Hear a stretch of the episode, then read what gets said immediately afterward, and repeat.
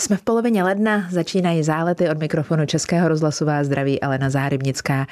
V květnu to budou dva roky od okamžiku, kdy po 16 letech opustila českou televizi a odešla do DVTV.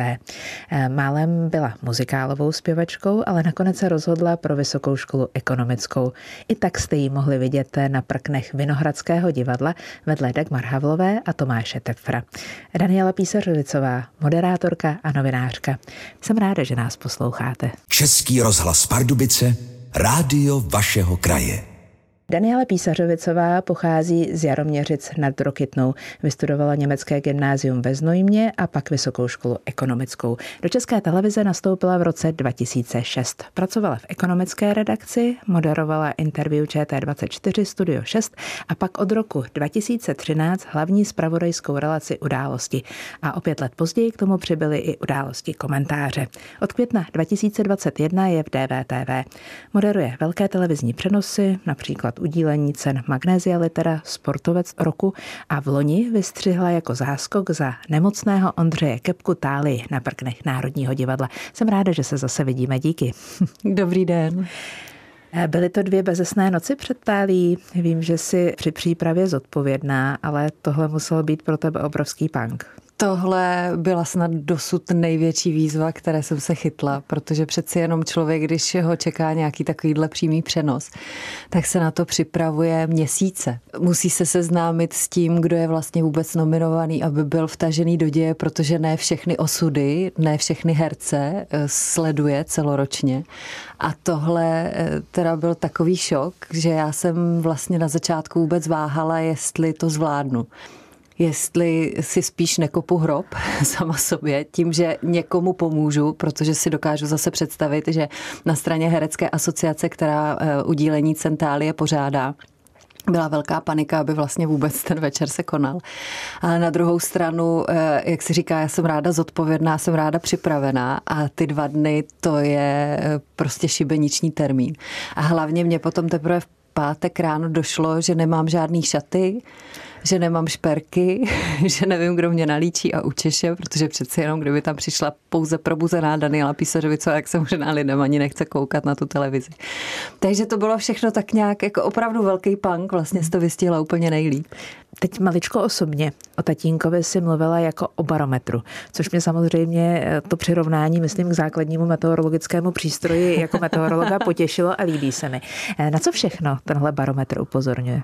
Já si myslím, že od takových těch eh, základních věcí, typu, že už jsem od něj i slyšela, buď pořád nohama na zemi, to znamená taková ta lidská stránka, tam si myslím, že velice dobře funguje a jsem za to strašně ráda, kdybych náhodou měla někdy tendenci trošku povyskočit na ten svět a dívat se na něj malinko růžovýma očima, tak si myslím, že táta je ta správná osoba, která mě zase vrátí nohama na zem. Což si myslím, že bychom my všichni, kdo se pohybujeme v těchto těch kruzích, měli být nohama na zemi, aby náhodou jsme neměli pocit, že jsme někdo víc než všichni ostatní.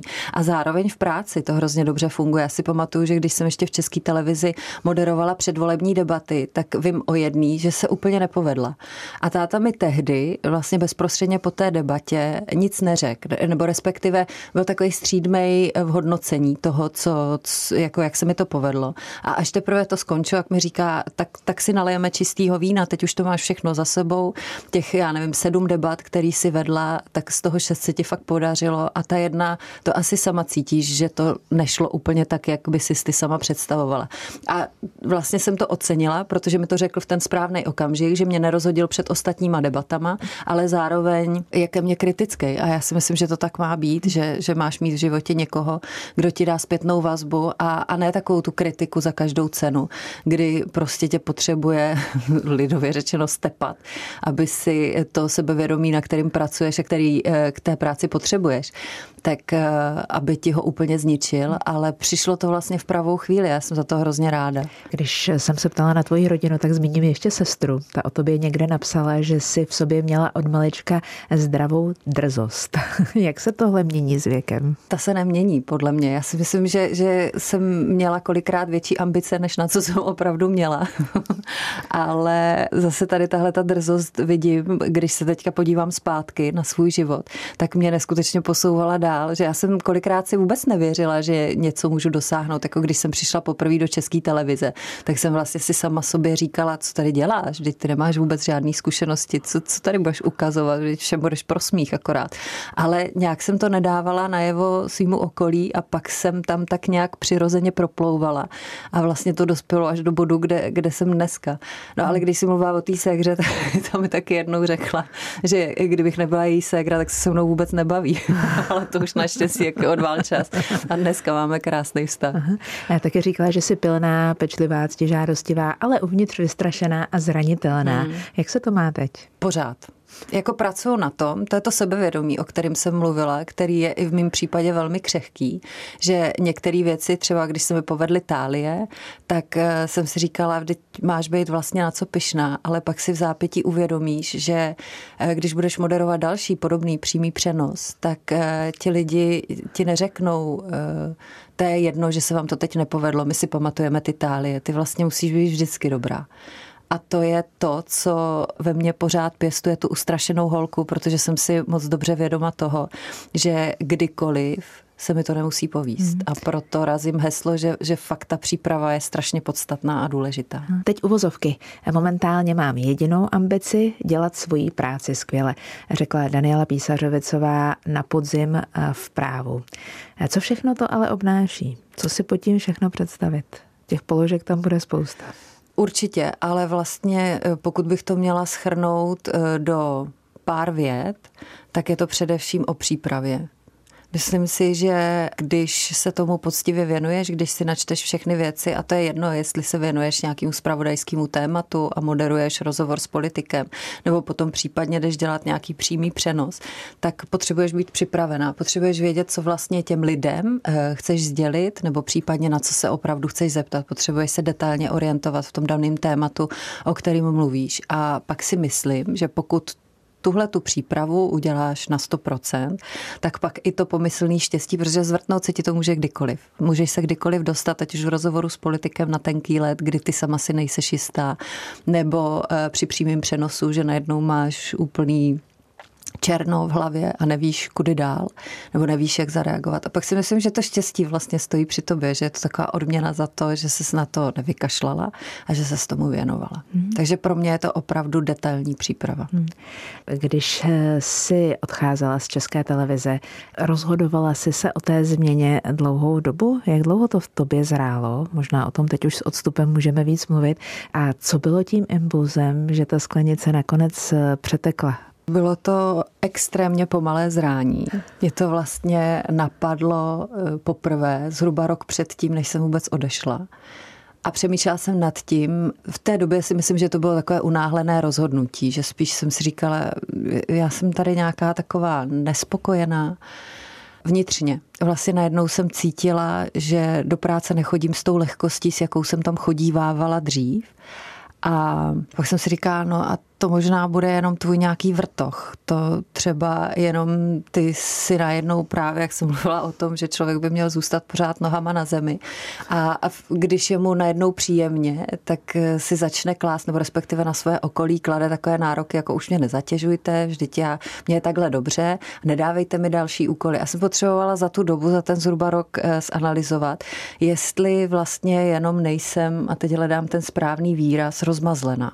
A pak jsem najednou zjistila, že přeci jenom únava převažuje, že vlastně chodím do práce extrémně unavená a najednou se z toho vytratila radost. A já si myslím, že pokud někdo dělá tu práci spravodajskou, jakou dělám vlastně do dneška, ale musí chodit do práce s nadšením. Musí vlastně do každého rozhovoru eh, být eh, vtažený, protože pokud nemá tu radost, tak je to z těch rozhovorů cítit. A vlastně divák nechce vidět, dejme tomu průměrně odmoderovaný rozhovor. A já jsem začínala mít pocit, že jsem spíš unavená, než abych do toho opravdu dala tu energii, kterou si ta moje práce zaslouží. Lidé o tobě říkají, že s tím odchodem si rozkvetla, že jsi veselější, uvolněnější. Tak si říkám, že to vlastně byl vnitřní pocit, který tě vedl tím správným směrem zbavit se toho, co tě tížilo a teď je to prostě veselější a uvolněnější. Já to tak vlastně taky vnímám, že mi najednou někdo roztáhnul křídla, protože přeci jenom, eh, a to, to ta práce v české televize obnáší, ale jsou na tebe kladený extrémní nároky, to samo myslím si, že dobře víš. Vlastně ta chybovost se moc neodpouští, vlastně, i když si to kolikrát nepřipouštíme, tak ten tlak na člověka, a to nemyslím o tom, že by mi volali nějací politici a stanovovali mi mantinely, nebo že by mi tam někdo by jako stanovoval mantinely v rámci české televize. To ne, ta, ta spolupráce mezi námi probíhala velice dobře. Ale najednou vlastně asi si myslím, že mě i doběhl ten tlak 16 eh, letý, který jsem tam cítila že vlastně je to mainstreamové médium a že jsem vlastně pořád pod drobnohledem. A já jsem si potřebovala trošku volnosti a potřebovala jsem trošku víc osobního prostoru a to se mi vlastně splnilo. A tím pádem já jsem najednou měla čas na větší počet dovolených. Tím nemyslím, že jsem každý týden lítala na Maledivy, ale spíš, že jsem měla čas sama na sebe. A to se vlastně do tváře člověka taky propíše. Je fakt, že ruku v ruce s tím šly i změny v tvém osobním životě. A pak se přidala ještě láska. To, to by bylo špatný, kdyby, Super. kdyby to na tobě nebylo vidět. Já jsem s Ondřejem mluvila tady v Záletech. Byl to zároveň s Ondřejem Brouskem. A upřímně řečeno, my jsme se vlastně celou tu hodinu prochechtali. Tady jako padlo relativně málo slov, za to tu bylo hodně smíchu ve studiu Českého rozhlasu. Přímo na tom místě, kde sedíme teď spolu. Máte to tak i doma? Ano, ano. A já si myslím, že humor je základem vztahu a pokud lidé nemají společný humor a nesmějí se stejným věcem, tak eh, mám pocit, že ten vztah je eh, v něčem ochuzený. Takže ano, já mám třeba za sebou eh, prochechtaný víkend naprosto a hrozně mě to baví. Vlastně ten, ten smích je takové koření života a protože všechny věci, které se nám v životě dějou, nejsou právě zahalený smíchem, tak si myslím, že je to skvělý lék na to, aby jsme si pořád uvědomovali, že dokud se smějeme, tak je to skvělý. Daniela Písařovicová, novinářka, moderátorka je se mnou dneska v záletech. Teď pracuje tedy pro soukromé médium, ale já si troufám říct, že ta veřejnoprávnost v tom nejlepším slova smyslu je v tobě pořád zakořeněná.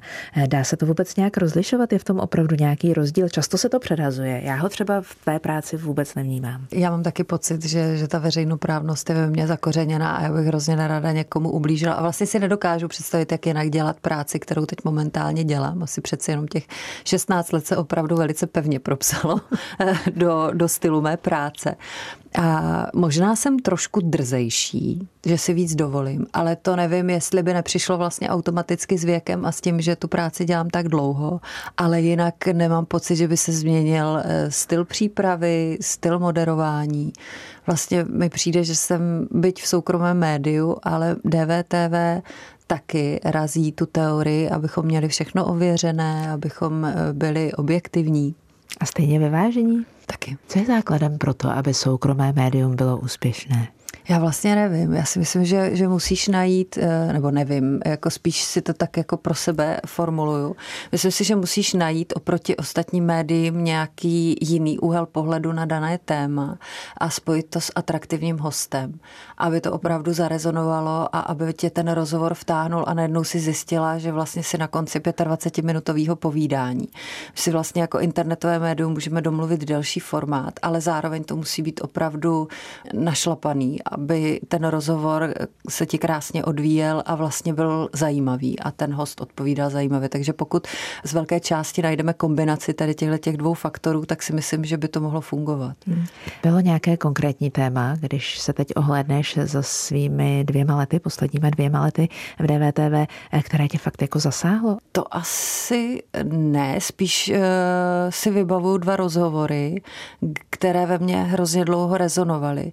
Jeden byl byl a teď eh, se omlouvám, že si nespomenu na název toho dokumentu, ale bavili jsme se o tom, že rodiče svoje dítě od malička eh, připravovali na kariéru profesionálního sportovce Hokejisty. a vlastně se ho vůbec na nic neptali. A mně to hmm. přišlo trýznění dítěte, ale zase vlastně při rozhovoru s režisérkou jsem zjistila, že se na to dá dívat i jiným úhlem pohledu, ale vlastně já jsem byla tím tématem tak ovlivněná, že jsem nad ním přemýšlela hrozně dlouho. A stejně tak jednotka intenzivního života, to byl taky další dokument, o kterém jsme se bavili v DVTV a to je zase o tom, jak lidem pomáhat, když jsou třeba i v poslední fázi života a vlastně musíš vysvětlit, že už je nic nečeká, ale ty to musíš podat tak, že si přece chtějí užít poslední měsíce svého života. A vzhledem k tomu, že ta smrt je takový křehký let, tak eh, vím, že jsem nad tím taky hrozně dlouho přemýšlela. A to jsou takové dvě témata, které mě napadly na první dobrou, o kterých jsem hrozně dlouho přemýšlela. Hmm. V případě druhém těžko volit eh, otázky, které by nebolely. Hmm. Přitom se odpovědi eh, musíme dočkat bolesti, logicky. A u toho prvního tématu, že asi ti nebylo jasné, do jaké míry se vlastně na té správné straně, že? Právě. Já totiž přemýšlím nad tím, jestli rodiče mají právo svýmu dítěti nalajnovat život. Já si pamatuju, když se teďka vrátím zase k tátovi. Můj táta hrozně rád hrál volejbal a protože rodiče jeho to zase tak nechápali a vlastně nevěděli, jako jakou mu to přináší radost, tak táta si řekl, že svým dětem dá jakýkoliv prostor pro sport. A samozřejmě, že jsme se segrou začali hrát volejbal. Jenomže nás to v těch 14-15 letech obě dvě přestalo bavit. A najednou jsme přišli domů a řekli jsme, hele tati, já už na ty tréninky chodit nebudu, protože mě jako daleko víc zajímá, že si můžu se svýma kámošema někde prozvolovat odpoledne. A táta to absolutně nechápal.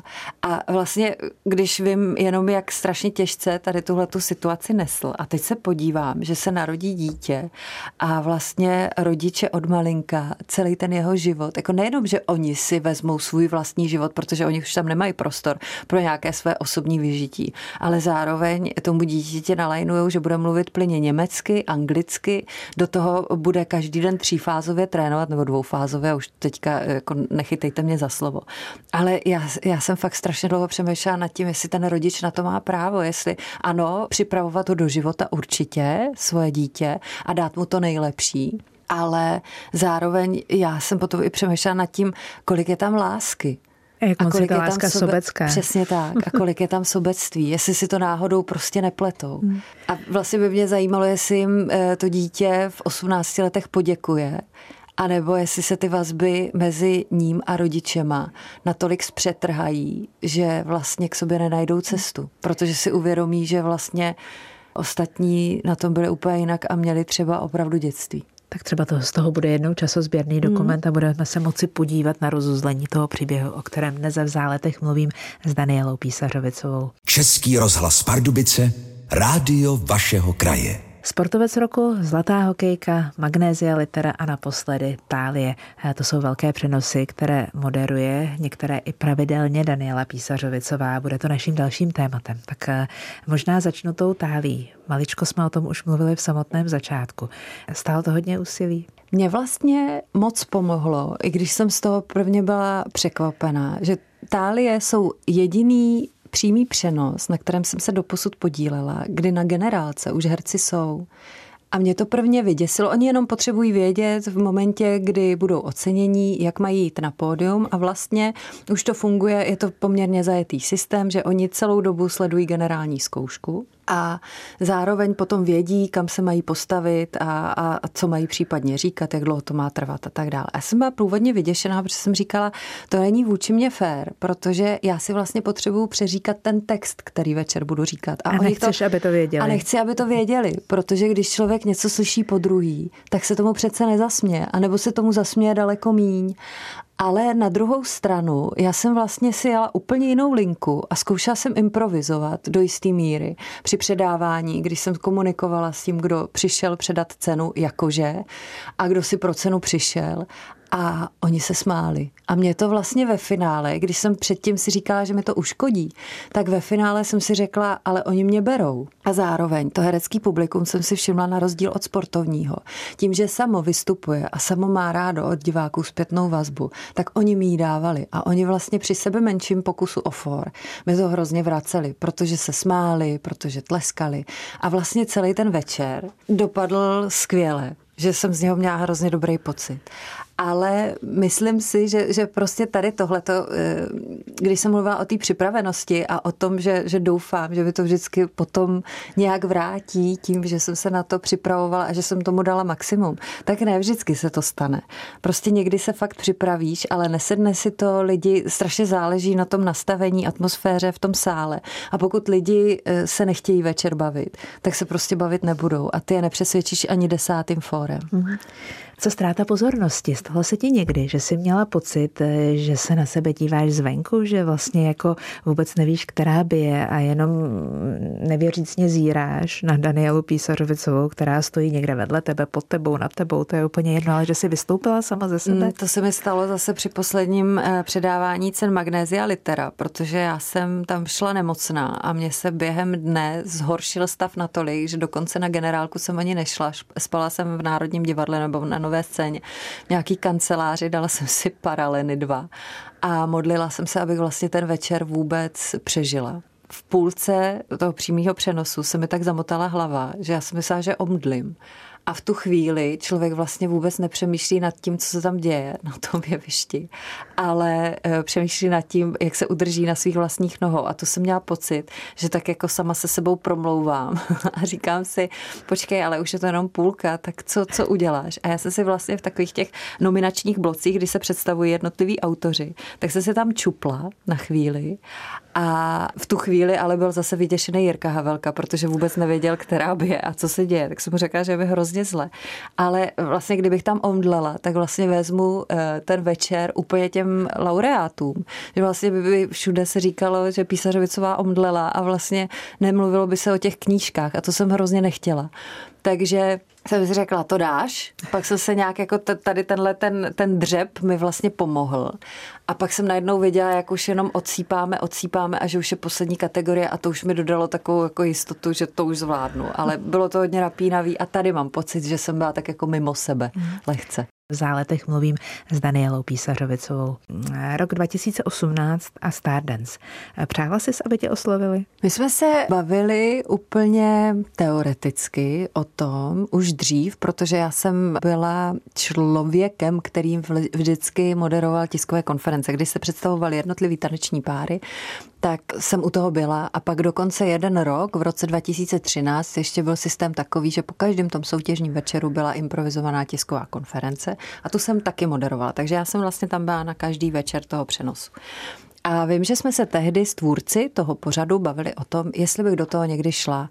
A člověk tak jako euforicky, když je vlastně do toho vtažený, tak eh, říká, jo, jasně, proč ne? Protože mu to zvenku připadá jako naprosto něco úžasného. Neví, kolik je zatím práce, neví, kolik je zatím nervů a kolik na to musí strávit času, aby to k něčemu vypadalo. Takže já jsem tehdy jenom tak plácla, jako no jasně, abych do toho šla samozřejmě. A když mi pak zavolali, tak moje reakce byla, no tak já se rozmyslím. A na druhé straně drátu se ozvalo, jak rozmyslím? Vždyť nám už tehdy řekla, že do toho půjdeš. A říkám, ale to bylo takový spontánní, možná to bylo po několika skleničkách vína, to se člověk rozhoduje úplně jinak, nejzastřízliva. Tak jsem se z toho snažila ještě trošku jako vycouvat tím, že si dám aspoň nějaký čas na rozmyšlenou.